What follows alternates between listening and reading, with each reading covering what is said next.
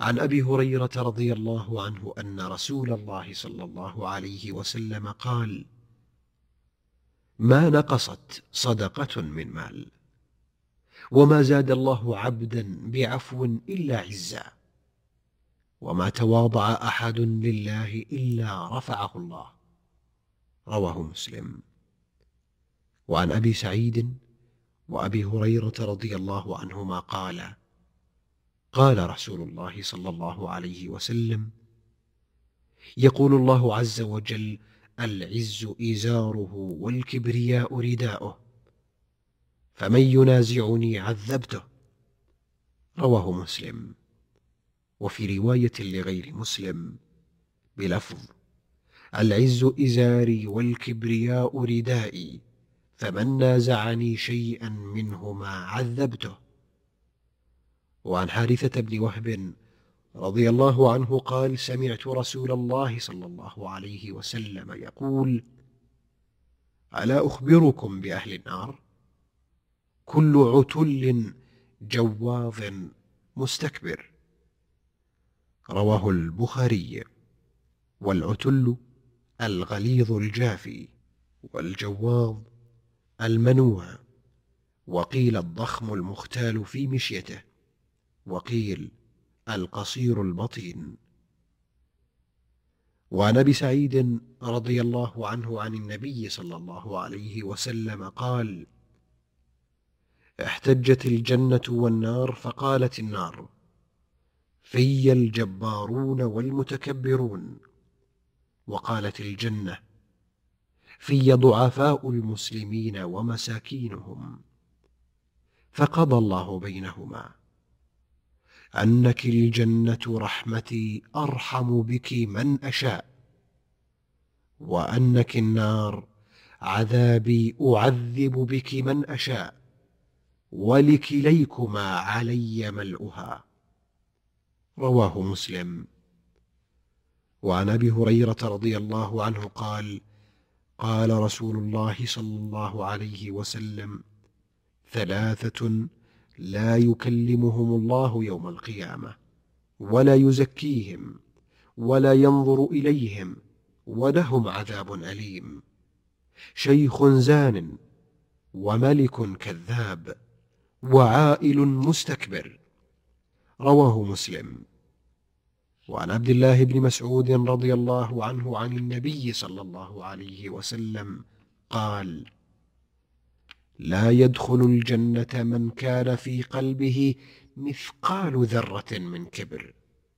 فقال رجل إن الرجل يحب أن يكون ثوبه حسنا ونعله حسنة. قال إن الله جميل يحب الجمال والكبر بطر الحق وغمط الناس. رواه مسلم. وعن ابن عمر رضي الله عنهما أن رسول الله صلى الله عليه وسلم قال بينما رجل ممن كان قبلكم يجر إزاره من الخيلاء خسف به فهو يتجلجل في الأرض إلى يوم القيامة. رواه البخاري. وعن أبي هريرة رضي الله عنه أن رسول الله صلى الله عليه وسلم قال بينما رجل يمشي في حلة تعجبه نفسه مرجل رأسه يختال في مشيته إذ خسف الله به فهو يتجلجل في الأرض إلى يوم القيامة. رواه البخاري ومسلم. عن ابن عمر رضي الله عنهما أن النبي صلى الله عليه وسلم قال من جر ثوبه خيلاء لم ينظر الله إليه يوم القيامة. فقال أبو بكر يا رسول الله إن إزاري يسترخي إلا أن أتعاهده. فقال له رسول الله صلى الله عليه وسلم لست ممن يفعله خيلاء. رواه البخاري. وعن ابن مسعود رضي الله عنه قال قال رسول الله صلى الله عليه وسلم عليكم بالصدق فإن الصدق يهدي إلى البر وإن البر يهدي إلى الجنة. وما يزال الرجل يصدق ويتحرى الصدق حتى يكتب عند الله صديقا. وإياكم والكذب فإن الكذب يهدي إلى الفجور. وإن الفجور يهدي إلى النار. وما يزال العبد يكذب ويتحرى الكذب حتى يكتب عند الله كذابا.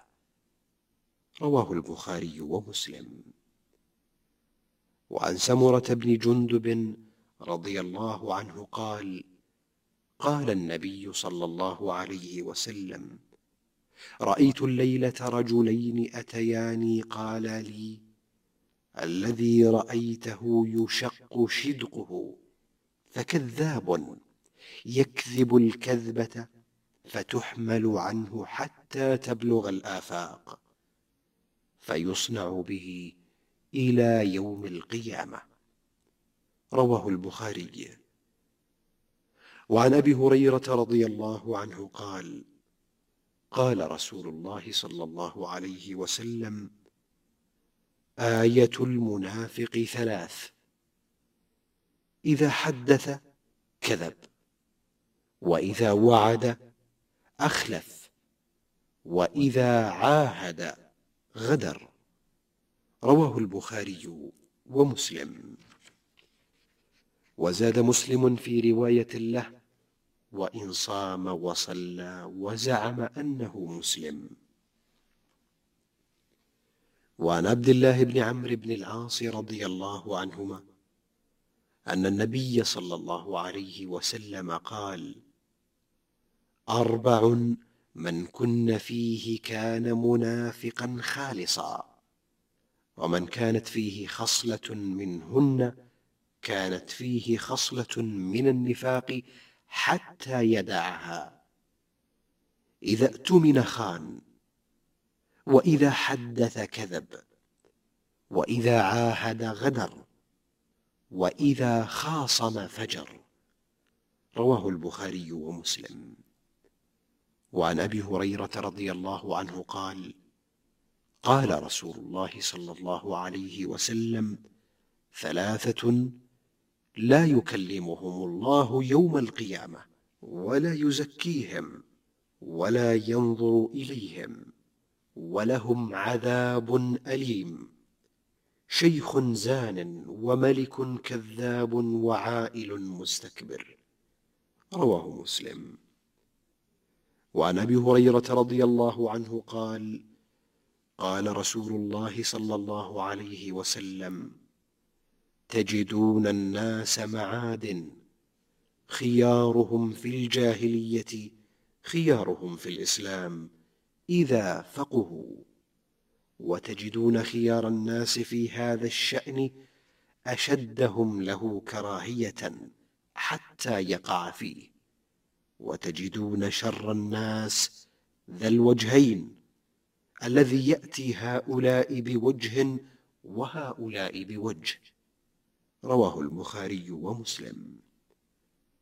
وعن محمد بن زيد أن ناسا قالوا لجده عبد الله بن عمر رضي الله عنهما إنا ندخل على سلطاننا فنقول لهم بخلاف ما نتكلم إذا خرجنا من عندهم.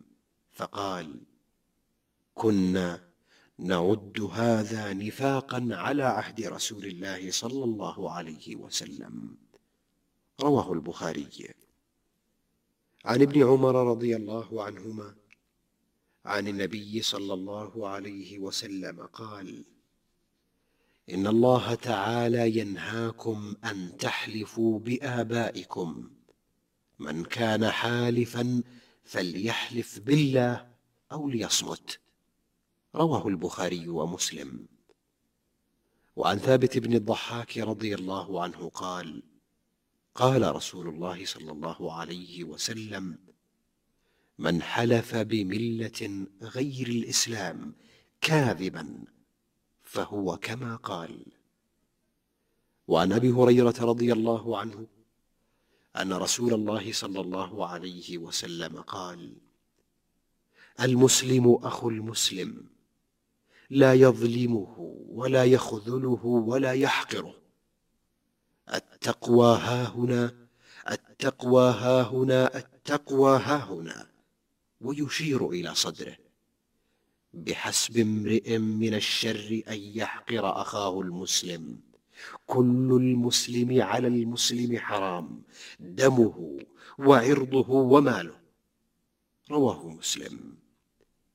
وعن ابن مسعود رضي الله عنه عن النبي صلى الله عليه وسلم قال لا يدخل الجنة من كان في قلبه مثقال ذرة من كبر فقال رجل إن الرجل يحب أن يكون ثوبه حسنا ونعله حسنة فقال إن الله تعالى جميل يحب الجمال.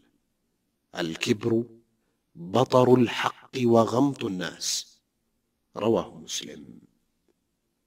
وعن أبي هريرة رضي الله عنه قال قال رسول الله صلى الله عليه وسلم إذا سمعتم الرجل يقول هلك الناس فهو أهلكهم. رواه مسلم. وعن جندب بن عبد الله رضي الله عنه قال قال رسول الله صلى الله عليه وسلم قال رجل والله لا يغفر الله لفلان. فقال الله عز وجل من ذا الذي يتألى علي ألا أغفر له؟ إني قد غفرت له وأحبطت عملك. رواه مسلم. وعن أبي هريرة رضي الله عنه قال قال رسول الله صلى الله عليه وسلم الإيمان بضع وستون أو سبعون شعبة. أدناها إماطة الأذى عن الطريق وأرفعها قول لا إله إلا الله. رواه البخاري ومسلم. وعن أبي ذر رضي الله عنه قال قال النبي صلى الله عليه وسلم عرضت علي أعمال أمتي حسنها وسيئها. فوجدت في محاسن أعمالها الأذى يماط عن الطريق. ووجدت في مساوي أعمالها النخامة تكون في المسجد لا تدفن. رواه مسلم.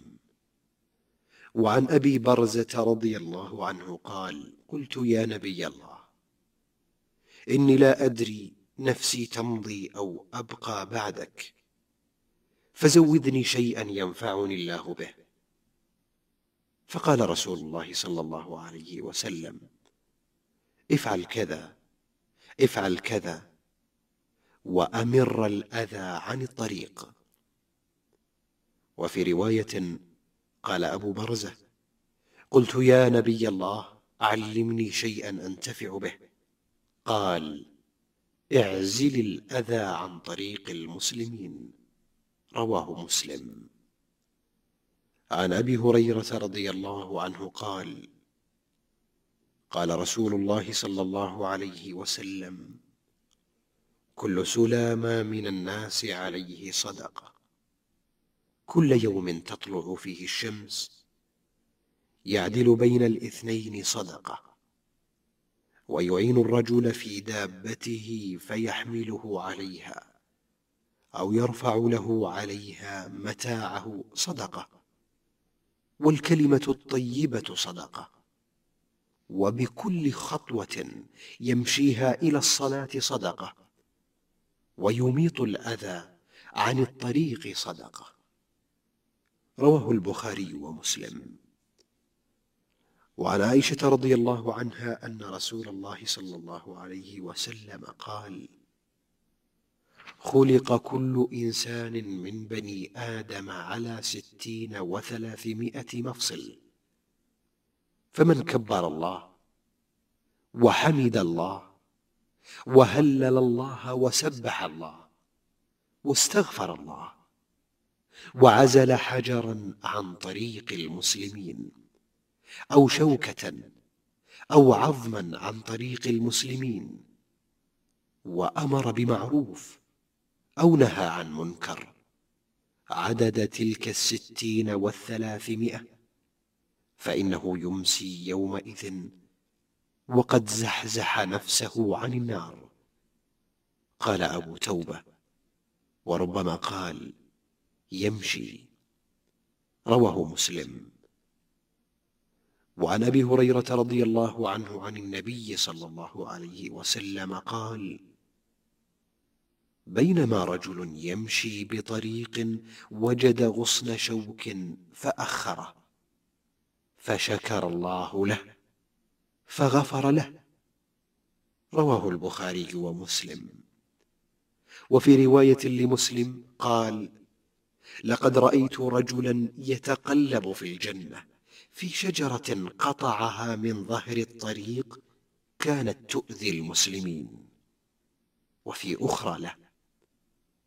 مر رجل بغصن شجرة على ظهر الطريق فقال والله لأنحين هذا عن المسلمين لا يؤذيهم. فأدخل الجنة. وعن أبي هريرة رضي الله عنه قال قال رسول الله صلى الله عليه وسلم من قتل وزغة في أول ضربة فله كذا وكذا حسنة. ومن قتلها في الضربة الثانية فله كذا وكذا حسنة دون الأولى. ومن قتلها في الضربة الثالثة فله كذا وكذا حسنة لدون الثانية. رواه مسلم. وفي رواية له من قتل وزغا في أول ضربة كتبت له مائه حسنة. وفي الثانية دون ذلك. وفي الثالثة دون ذلك. وعن أم شريك رضي الله عنها أن رسول الله صلى الله عليه وسلم أمر بقتل الأوزاغ وقال كان ينفخ على إبراهيم عليه السلام. رواه البخاري واللفظ له ومسلم باختصار ذكر النفخ. وعن عامر بن سعد عن أبيه رضي الله عنه أن النبي صلى الله عليه وسلم أمر بقتل الوزغ وسماه فويسقا. رواه مسلم.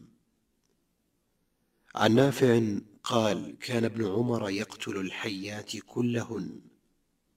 حتى حدثنا أبو لبابة أن رسول الله صلى الله عليه وسلم نهى عن قتل جنان البيوت فأمسك. رواه مسلم. وفي رواية له قال أبو لبابة سمعت رسول الله صلى الله عليه وسلم نهى عن قتل الجنان التي تكون في البيوت. إلا الأبتر وذا الطفيتين فإنهما اللذان يخطفان البصر ويتبعان ما في بطون النساء. وعن ابن عمر رضي الله عنهما أنه سمع النبي صلى الله عليه وسلم يخطب على المنبر يقول اقتلوا الحيات واقتلوا ذا الطفيتين والأبتر فإنهما يطمسان البصر ويسقطان الحبل. قال عبد الله فبينا أنا أطارد حية أقتلها ناداني أبو لبابة لا تقتلها. فقلت إن رسول الله صلى الله عليه وسلم أمر بقتل الحيات. فقال إنه نهى بعد ذلك عن ذوات البيوت وهن العوامر. رواه البخاري ومسلم. وفي رواية لمسلم قال سمعت رسول الله صلى الله عليه وسلم يأمر بقتل الكلاب. يقول أقتلوا الحيات والكلاب. واقتلوا ذا الطفيتين والأبتر. فإنهما يلتمسان البصر ويستسقطان الحبالا وعن أبي هريرة رضي الله عنه عن رسول الله صلى الله عليه وسلم أن نملة قرصت نبيا من الأنبياء فأمر بقرية النمل فأحرقت. فأوحى الله إليه في أن قرصتك نملة أحرقت أمة من الأمم تسبح. زاد في رواية فهلا نملة واحدة؟ رواه البخاري ومسلم. وفي رواية لمسلم قال نزل نبي من الأنبياء تحت شجرة فلدغته نملة فأمر بجهازه فأخرج من تحتها ثم أمر بها فأحرقت فأوحى الله إليه هلا نملة واحدة. وعن حذيفة رضي الله عنه قال حدثنا رسول الله صلى الله عليه وسلم أن الأمانة نزلت في جذر قلوب الرجال ثم نزل القرآن فعلموا من القرآن وعلموا من السنة. ثم حدثنا عن رفع الأمانة فقال ينام الرجل النومة فتقبض الأمانة من قلبه. فيظل أثرها مثل الوقت. ثم ينام الرجل النومة فتقبض الأمانة من قلبه.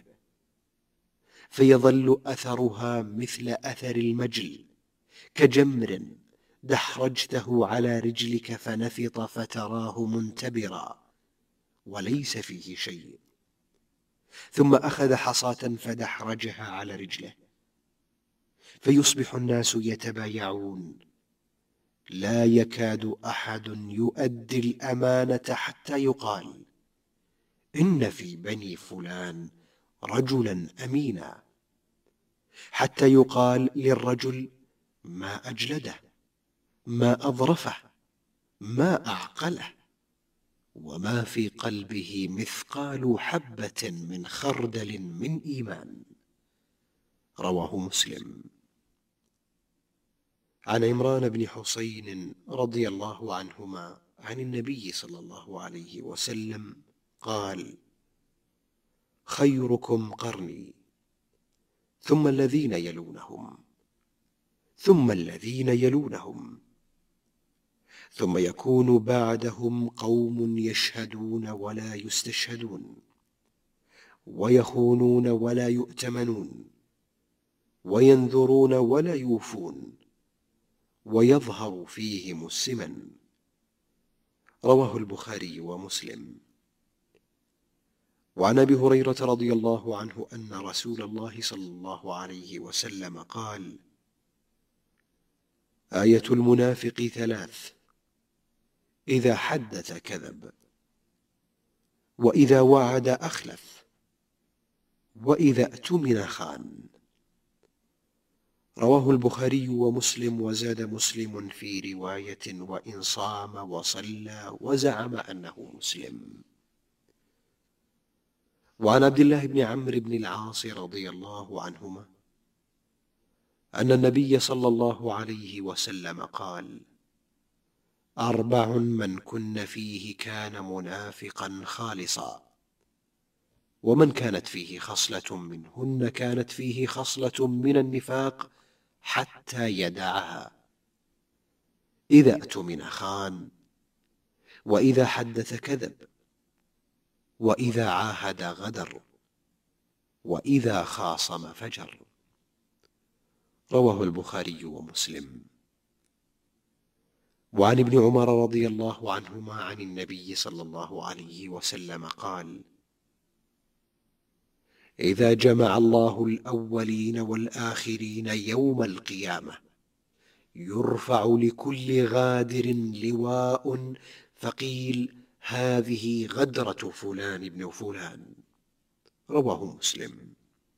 وفي رواية له لكل غادر لواء يوم القيامة يعرف به يقال هذه غدرة فلان.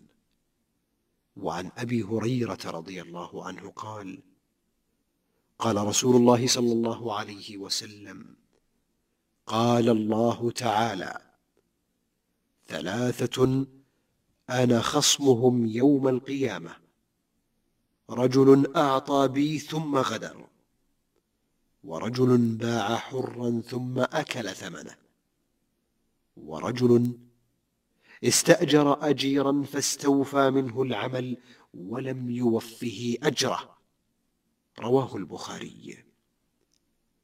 وعن يزيد بن شريك رضي الله عنه قال رأيت عليا رضي الله عنه على المنبر يخطب فسمعته يقول لا والله ما عندنا من كتاب نقرأه إلا كتاب الله وما في هذه الصحيفة. فنشرها فإذا فيها أسنان الإبل وأشياء من الجراحات وفيها.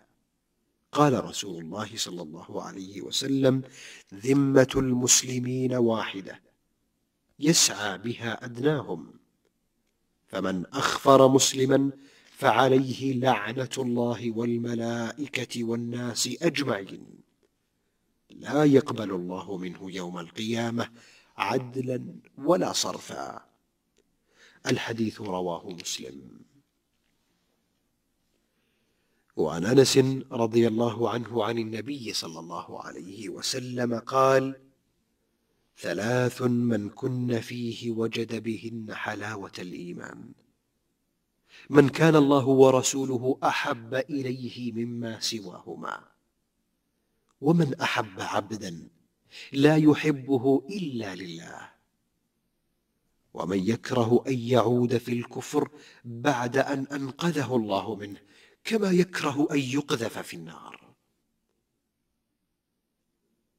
عن أنس رضي الله عنه عن النبي صلى الله عليه وسلم قال ثلاث من كن فيه وجد حلاوة الإيمان وطعمه أن يكون الله ورسوله أحب إليه مما سواهما وأن يحب في الله ويبغض في الله وأن توقد نار عظيمة فيقع فيها أحب إليه من أن يشرك بالله شيئا. رواه البخاري ومسلم. وعن أبي هريرة رضي الله عنه قال قال رسول الله صلى الله عليه وسلم إن الله تعالى يقول يوم القيامة أين المتحابون بجلالي؟ اليوم أظلهم في ظلي يوم لا ظل إلا ظلي. رواه مسلم. وعن أبي هريرة رضي الله عنه عن النبي صلى الله عليه وسلم قال سبعة يظلهم الله في ظله يوم لا ظل إلا ظله. الإمام العادل وشاب نشأ في عبادة الله ورجل قلبه معلق في المساجد ورجلان تحابا في الله اجتمعا عليه وتفرقا عليه ورجل دعته امرأة ذات منصب وجمال فقال إني أخاف الله. ورجل تصدق بصدقة فأخفاها حتى لا تعلم شماله ما تنفق يمينه. ورجل ذكر الله خاليا ففاضت عيناه. رواه البخاري ومسلم. وعن أبي هريرة رضي الله عنه عن النبي صلى الله عليه وسلم أن رجلا زار أخا له في قرية أخرى. فأرصد الله على مدرجته ملكا. فلما أتى عليه قال أين تريد؟ قال أريد أخا لي في هذه القرية. قال هل لك عليه من نعمة تربها؟ قال لا غير أني أحبه في الله. قال فإني رسول الله إليك. إن الله قد أحبك كما أحببته فيه. رواه مسلم. وعن أنس رضي الله عنه أن رجلا سأل رسول الله صلى الله عليه وسلم متى الساعة؟ قال وما أعددت لها. قال لا شيء إلا أني أحب الله ورسوله. قال أنت مع من أحببت؟ قال أنس. فما فرحنا بشيء؟ فرحنا بقول النبي صلى الله عليه وسلم. أنت مع من أحببت؟ قال أنس. فأنا أحب النبي صلى الله عليه وسلم وأبا بكر وعمر. وأرجو أن أكون معهم بحبي إياهم. رواه البخاري ومسلم. عن أنس رضي الله عنه أن رجلا من أهل البادية أتى النبي صلى الله عليه وسلم فقال يا رسول الله متى الساعة قائمه قال ويلك وما أعددت لها. قال ما أعددت لها إلا أني أحب الله ورسوله. قال إنك مع من أحببت. قال ونحن كذلك. قال نعم. ففرحنا يومئذ فرحا شديدا. وعن ابن مسعود رضي الله عنه قال جاء رجل إلى رسول الله صلى الله عليه وسلم فقال يا رسول الله كيف ترى في رجل أحب قوما ولم يلحق بهم؟ فقال رسول الله صلى الله عليه وسلم المرء مع من أحب. رواه البخاري ومسلم. وعن أبي هريرة رضي الله عنه عن النبي صلى الله عليه وسلم قال اجتنبوا السبع الموبقات قالوا يا رسول الله وما هن؟ قال الشرك بالله والسحر وقتل النفس التي حرم الله إلا بالحق وأكل الربا وأكل مال اليتيم والتولي يوم الزحف وقذف المحصنات الغافلات المؤمنات. رواه البخاري ومسلم. وعن صفية بنت أبي عبيد عن بعض أزواج النبي صلى الله عليه وسلم قال من أتى عرافا فسأله عن شيء فصدقه لم تقبل له صلاة أربعين يوما. رواه مسلم. وعن ابن عمر رضي الله عنهما أن رسول الله صلى الله عليه وسلم قال إن الذين يصنعون هذه الصور يعذبون يوم القيامة. يقال لهم أحيوا ما خلقتم. رواه البخاري ومسلم. وعن عائشة رضي الله عنها قالت قدم رسول الله صلى الله عليه وسلم من سفر وقد سترت سهوة لي بقرام فيه تماثيل.